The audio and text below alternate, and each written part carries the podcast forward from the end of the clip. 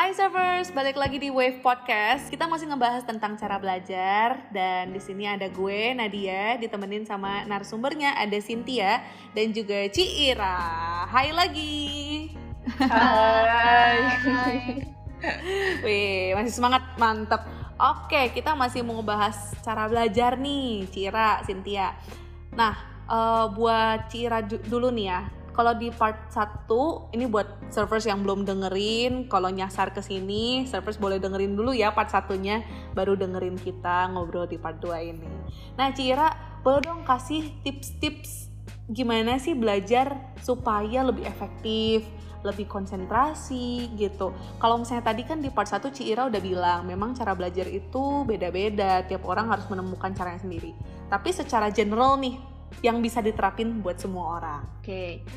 Uh, eh, kalau misalnya cara belajar secara umum gitu ya, memang orang itu secara umum ada tiga sih kategorinya dan ketiga kategori ini memang bisa campur aduk gitu ya maksudnya campur aduk adalah ada orang yang dominan di dua tipe bela gaya belajar ada yang tiga tiganya ada yang cuma satu bak satu hmm. tapi dominan banget gitu. misalnya yang pertama itu gaya belajar yang visual nah kalau orang-orang yang tipenya visual dia itu memang sangat kuat sekali gitu indera penglihatannya. Sehingga dia perlu untuk membaca dia perlu untuk melihat warna-warni di catatannya sehingga orang-orang yang tipenya visual dia itu cenderung punya buku itu warna-warni gitu ya di stabiloin stabilonya pun beda warna gitu. Kalau judul jadi dia udah tahu kalau judul dia warnanya apa nanti kalau bagian subbab warnanya beda lagi. Nanti kalau definisi dia beda lagi. Nah itu tuh eh, ciri-ciri gitu ya orang yang memang dia gaya belajarnya visual. Nah ada juga orang yang gaya belajarnya auditori. Nah, yang auditori ini dia memang lebih suka mendengar gitu ya, mendengar penjelasan. Dia makanya kalau orang-orang auditori ketemu sama dosen yang cara ngajarnya monoton gitu ya, yang dosennya duduk, baca buku gitu. Aduh, kayaknya nggak usah deh Bu, saya mendingan tidur aja. Kenapa? Karena ibu ngebacainnya itu flat gitu ya nadanya. Orang-orang yang auditori dia itu senang mendengar penjelasan orang sehingga orang yang mengajar itu harus juga bersemangat gitu sehingga energinya tertular akhirnya dia jadi oh iya ya lebih cepat ngerti dan nangkep karena dibacakan dengan nada-nada tertentu. Nah, orang-orang auditori ini biasanya kalau belajar sendiri dia lebih suka eh, keluar suara gitu ya, keluar suara sehingga dia bisa dengar lagi. Atau orang-orang auditori bisa juga mereka suka diem-diem merekam ketika dosennya atau gurunya di kelas lagi ngejelasin. Dia rekam tapi dia denger lagi gitu ya. Nanti dia di rumah denger lagi gitu. Nah, satu lagi memang gaya belajar yang kinestetik. Dia yang memang perlu bergerak perlu melakukan sesuatu gitu ya untuk mendukung dia punya uh, otak supaya lebih cepat menyerap materi pelajaran.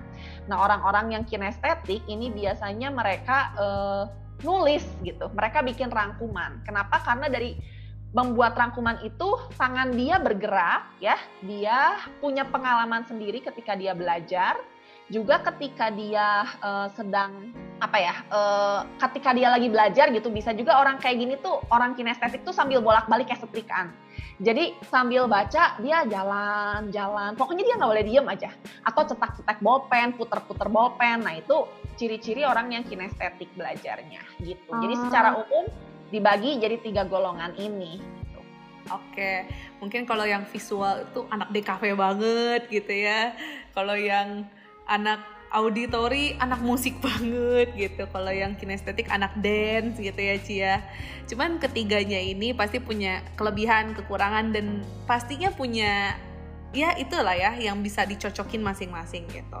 Nah itulah yang harus servers dan kita semua temukan gitu kan Ci. Apa yang yang cocok buat kita? Kita kira kira-kira yang mana nih yang kita bisa konsentrasi banget yang bisa efektif banget belajar gini?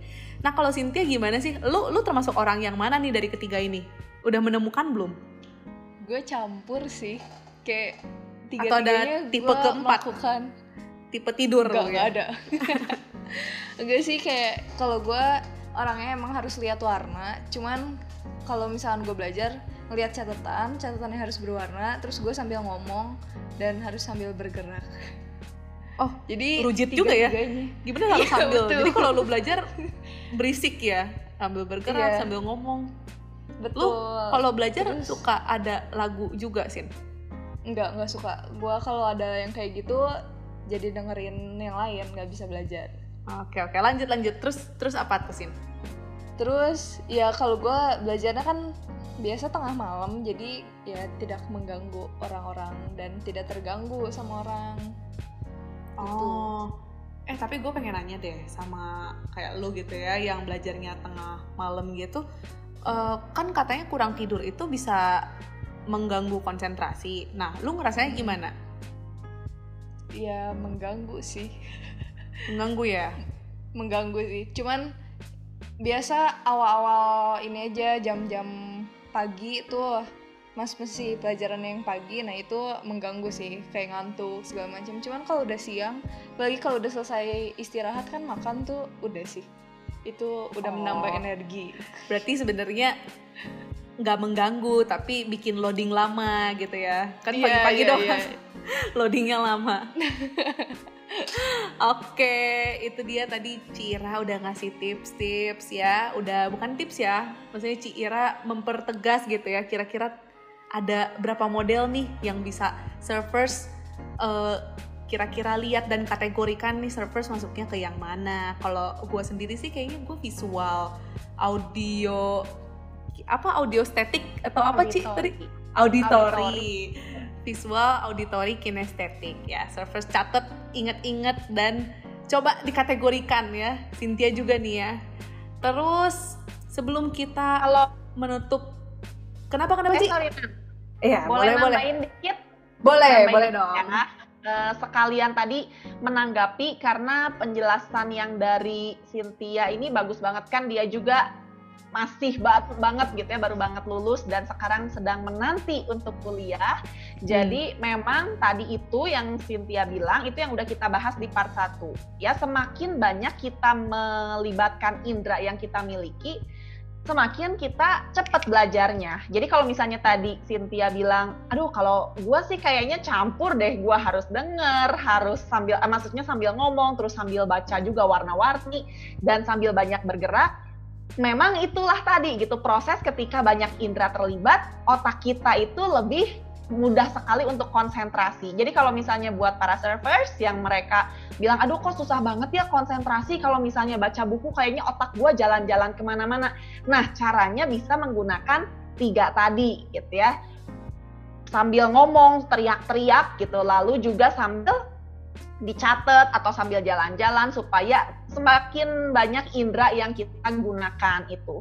Lalu kalau misalnya tadi uh, Cynthia juga sempat bilang kan, aduh kalau gue justru nggak bisa sambil dengerin musik karena kalau sambil dengerin musik itu malah jadi keganggu. Nah ini tipe yang audio gitu ya. Karena kenapa? Karena dia audionya jadi terganggu ketika ada distraksi yang lain gitu. Jadi memang orang seperti ini dia harus fokus sama itu. Makanya dia senangnya malam-malam juga kan tidak mengganggu dan juga tidak diganggu. Jadi bener banget ini contoh yang sangat relate sekali dengan teori yang barusan aku sebutin itu. Eh tapi tapi karena Cici tadi ngomongnya, aku jadi ada satu pertanyaan yang menurutku menarik ya. Kayak Kak, mungkin nggak sih Ci, kayak misalnya Cynthia sekarang model belajarnya tiga-tiganya nih dia kayak kombinasi gitu campur. Tapi nanti lima tahun lagi, 10 tahun lagi, mungkin nggak sih Cynthia jadi berubah gitu atau jadi lebih meruncing ke visual, jadi atau itu tuh memang bawaan dari awal kita memang kayak gitu Ci? Bisa kita jadi meruncing ke yang satu ketika kita melatih. Jadi uh, kalau misalnya tadi pertanyaannya di peruncing itu bisa banget gitu dan ini yang namanya gaya belajar itu bukan bawaan dari lahir dan sampai dia mati dia akan punya gaya belajar itu enggak ya. Uh, ini bisa dilatih yang pasti. Jadi kalau misalnya anak yang dari kecil dia udah dibiasain untuk baca, dibiasain sama orang tuanya, ayo kalau belajar itu harus sambil diwarna-warna, sambil apa, otomatis lama-kelamaan visualnya lebih terlatih daripada indera yang lainnya. Demikian juga kalau misalnya uh, kita udah biasanya denger, denger radio atau misalnya ya dengerin podcast kayak gini gitu ya. Sama juga kalau misalnya nih uh, Cynthia gitu ya, kan kemarin ini baru abis SMA. SMA kan di kelas gitu ya ngedengerin, ngedengerin, ngedengerin. Terus sekarang lagi vakum nih, lagi pengangguran tadi ya sempat bilang. Jadi kayak maksudnya uh, vakum lama nggak belajar, nggak ngedengerin dosen atau nggak ngedengerin guru ngomong nanti ketika awal-awal belajar harus ngedengerin lagi orang ngoceh itu uh, godaan untuk tertidurnya lebih berat gitu ya lebih hmm. lebih banyak lah ya gitu kenapa karena udah nggak terlatih gitu si kuping kita untuk ngedengerin orang ngomong berjam-jam dan nggak usah takut gitu ya kalau misalnya itu kejadian sama para surfers kita bisa latih kok gitu. Jadi kuncinya adalah kita harus memaksakan diri untuk di awal kita memaksakan diri pokoknya saya harus fokus pokoknya gue harus bisa pokoknya gue harus ngerti gitu ya. Dan te tempatkan semua itu jadi tanggung jawab pribadi. Ketika kita menyadari bahwa belajar ini tanggung jawab gue gitu ya bukan orang lain dan gue punya IPK gue punya nilai gue bisa naik kelas gue bisa mencapai prestasi itu adalah tanggung jawab gue pribadi. Bukan karena guru bukan karena lingkungan teman gue bukan karena orang tua atau siapa pun gitu ya. Lebih baik motivasi itu internal dari diri kita sendiri. Ketika kita udah ngeh gitu ya berbagai cara pun akan kita latih berbagai cara pun akan kita paksakan ketika kita memaksakan sesuatu pasti akan terasa berat di awal cuman jangan khawatir lama kelamaan yang berat itu akan jadi terasa ringan ketika kita berulang kali melakukannya begitu Mantep banget. Itu kesimpulan yang bener-bener iya. relate buat mau SMA, mau SMP, mau kuliah. Yang penting hmm. itu tanggung jawabnya ya Ci ya dan dari internal motivasinya. Dicatat nih server Cynthia juga ya. Nanti kuliah Siap. harus lebih rajin lagi buat gue juga nih. Ini teguran banget buat gue. Thank you banget Cira. Oke, okay, by the way Cynthia lu jurusan apa sih Sin? Tadi kan katanya mau ke Cina ya. Jurusan apa Sin? Mm -hmm ambil interior. Oh, kenapa tuh? Tadi kan Cira bilang motivasi belajar harus dari internal. Artinya lu yakin sama jurusan lu? Yakin. Sangat yakin. tunggu, tunggu, tunggu, tunggu. Sebelum yakin-yakin ini, sebenarnya lu dari kapan suka desain? Terus kenapa lu bisa tahu, oh gue passion sama ini, gue yakin sama jurusan yang mau gue ambil? Gue seneng gegedungan gitu Kegedungan. Kegedungan iya. Dari SD sih kayak awal tuh cita-cita gue kan pengennya jadi arsitek. Terus dari kelas 1 SD sih udah kayak cita-citanya arsitek. Terus sampai di SMP kelas 9 baru tahu kalau misalkan arsi itu harus IPA sedangkan kan gue gak suka fisika tuh ya kebetulan jadi gugur masuk IPA terus masuk IPS terus ya udah deh ambilnya interior gitu Oh, Sedih jadi karena sebenernya. jadi karena IPS jadi ngambilnya interior. Kalau lo IPA berarti lo ngambilnya yeah. arsi. Betul. Tapi eh, nggak uh, nyesel kan? Belum tahu ya nyesel atau enggaknya kan belum masuk iya ya. Sih. Semoga semoga nggak hmm. nyesel. Nah, berarti sebenarnya motivasi belajar internal itu ada ngaruhnya dong sama jurusan apa yang kita ambil di kuliah gitu kan. Kenapa sih penting gitu? Kalau menurut Cira gimana nih pandangannya? Ya, jadi kalau misalnya yang namanya motivasi itu ada internal, ada eksternal. Nah, kalau yang internal ini kenapa penting? Karena itu membuat kita jadi lebih kuat untuk mencapai sesuatu itu. Gitu sesuatu yang kita memang inginkan karena kita sendiri yang menginginkannya bukan karena orang lain. Ada orang yang misalnya kamu harus masuk jurusan X gitu, tapi papa mamahnya yang pengen dia masuk jurusan X gitu. Dia sendiri nggak mau kayak gue nggak pernah terpanggil untuk jadi itu gitu. Kenapa gue harus belajar itu? Nah kalau misalnya tadi Cynthia bilang karena emang gue yakin banget karena memang dari SD gitu ya udah passionnya tentang gegedungan, nah itu wow gitu ya itu bagus banget gitu. Karena karena memang e, ketika kita punya motivasi internal nanti yang namanya kuliah mau jurusan apa pun itu yang namanya kendala kesulitan pasti ada. Badai itu pasti akan menghadang. Dan ketika badai menghadang sebelum dia berlalu kita itu perlu punya motivasi internal yang mengingatkan kita kenapa kita ada di sini. Jadi waktu pas udah mau menyerah, udah mau putus asa gitu, kita ingat lagi, aduh tujuan pertama gue ada di sini adalah karena memang gue dari kecil gue pengen ini gitu. Dan ketika ada masalah, ketika ada kesulitan, itu yang menguatkan kita untuk terus bertahan sampai finish sampai berakhir gitu sampai selesai. Beda kalau misalnya motivasinya emang dari awal eksternal dipaksa oleh orang lain. Ketika nanti badai menghadang belum lagi belajar tuh susah menyebalkan dosennya ah udahlah gue mendingan menyerah aja gue mendingan cabut aja gue mendingan do aja lah gitu gue nggak peduli. Nah kenapa? Karena emang dari awal bukan motivasinya dari diri dia sendiri bukan internal gitu. Jadi penting banget para surfers untuk menemukan apa yang menjadi passionnya gitu karena itu yang membuat berhasil. Ya balik lagi ke why awalnya ya why besarnya itu kenapa? Kayak mau belajar kenapa kita belajar gitu kan? Itu yang harus kita ya. temukan ya. Beda sama kalau misalnya gue mau masuk jurusan ini karena ada si doi itu eksternal ya kan gitu. Oh. begitu pegat begitu putus udah deh. Bingung iya, bener. Begitu beda kelas juga ah, ah. udah deh gitu ya. Bener banget itu yang kata Ci Ira tadi bilang. Dan pastinya buat Cynthia juga relate ya buat banyak dari kita juga relate banget. Oke itu dia kita udah ngobrol panjang lebar nih tentang sekolah tentang belajar tentang passion. Ini udah banyak banget nih. Dan pastinya kalau buat gue sendiri nih gue relate banget kenapa gue jadi gue jadi ini gue udah hampir semester 3 dan gue jadi balik lagi ke tujuan awal gue kenapa gue kuliah dan kenapa gue ambil jurusan ini. Dan ternyata itu tuh kenapanya itu yang penting. Kenapa gue ambil ini itu penting banget buat bikin gue dan servers dan juga Cynthia pastinya bertahan sampai nanti lulus sampai nanti kita. Karena belajar itu kan kayak proses yang nggak pernah beres kan Ci ya ya itu dia Betul. gitu mungkin dari Cici ada terakhir nih yang mau disampaikan semangat buat surfers. Ya, jadi buat para surfers terakhir gitu ya, eh, kita harus ingat selalu gitu bahwa yang namanya kita belajar saat ini gitu, proses belajar itu memang selalu pahit ya. Belajar itu pahit gitu, tapi buahnya gitu ya nanti hasilnya itu kita yang akan merasakan sendiri. Gitu ya. apa yang kita tabur itu yang akan kita tuai. Kalau misalnya kita menaburnya males-malesan kita menaburnya ogah-ogahan kita menaburnya banyak nyontek banyak tidur nggak belajar sungguh-sungguh nanti ketika kita uh, udah waktu saatnya gitu ya kita menuai juga apa yang kita tabur.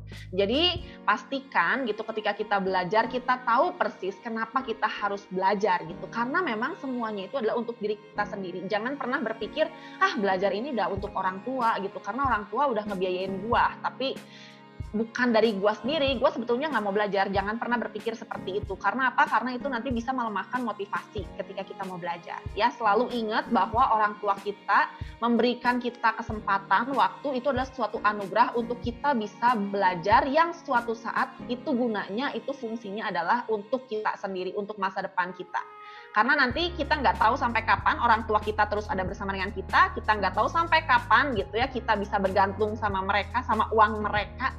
Dan tiba saatnya ketika kita sudah dewasa nanti kita benar-benar sudah dilepas ke masyarakat, kita full bertanggung jawab sama diri kita. Apa yang sudah kita tabur selama kita belajar itulah yang nanti saatnya menguji kita gitu ya. Yang saatnya nanti kita petik buahnya. Begitu. Jadi semangat terus belajar, jangan pernah menyerah, cari dan temukan gaya belajar yang paling efektif buat kamu. Yes, bagus banget kesimpulannya, bagus banget penutupnya. Thank you banget Cira dan uh, ini satu apa ya pelajaran hidup lah ya kalau boleh dibilang. Kayak buat nanti kita kita ke depannya bukan cuma buat sampai lulus doang. Buat nanti setelah lulus pun itu untuk bikin kita tetap mau belajar tetap semangat gitu. Semangat terus buat Cira buat Cynthia. Good luck Cynthia buat kuliahnya. Semoga terima kasih. terima yes semoga keterima di kuliah yang kamu mau dan sukses terus di interior. Amin. di interior desainnya. Buat Cira juga sukses terus. Cira sehat selalu buat yes. Oke okay. thank you banget guys. Thank you banget Cira Cynthia. Sampai jumpa servers di Wave Podcast selanjutnya. Bye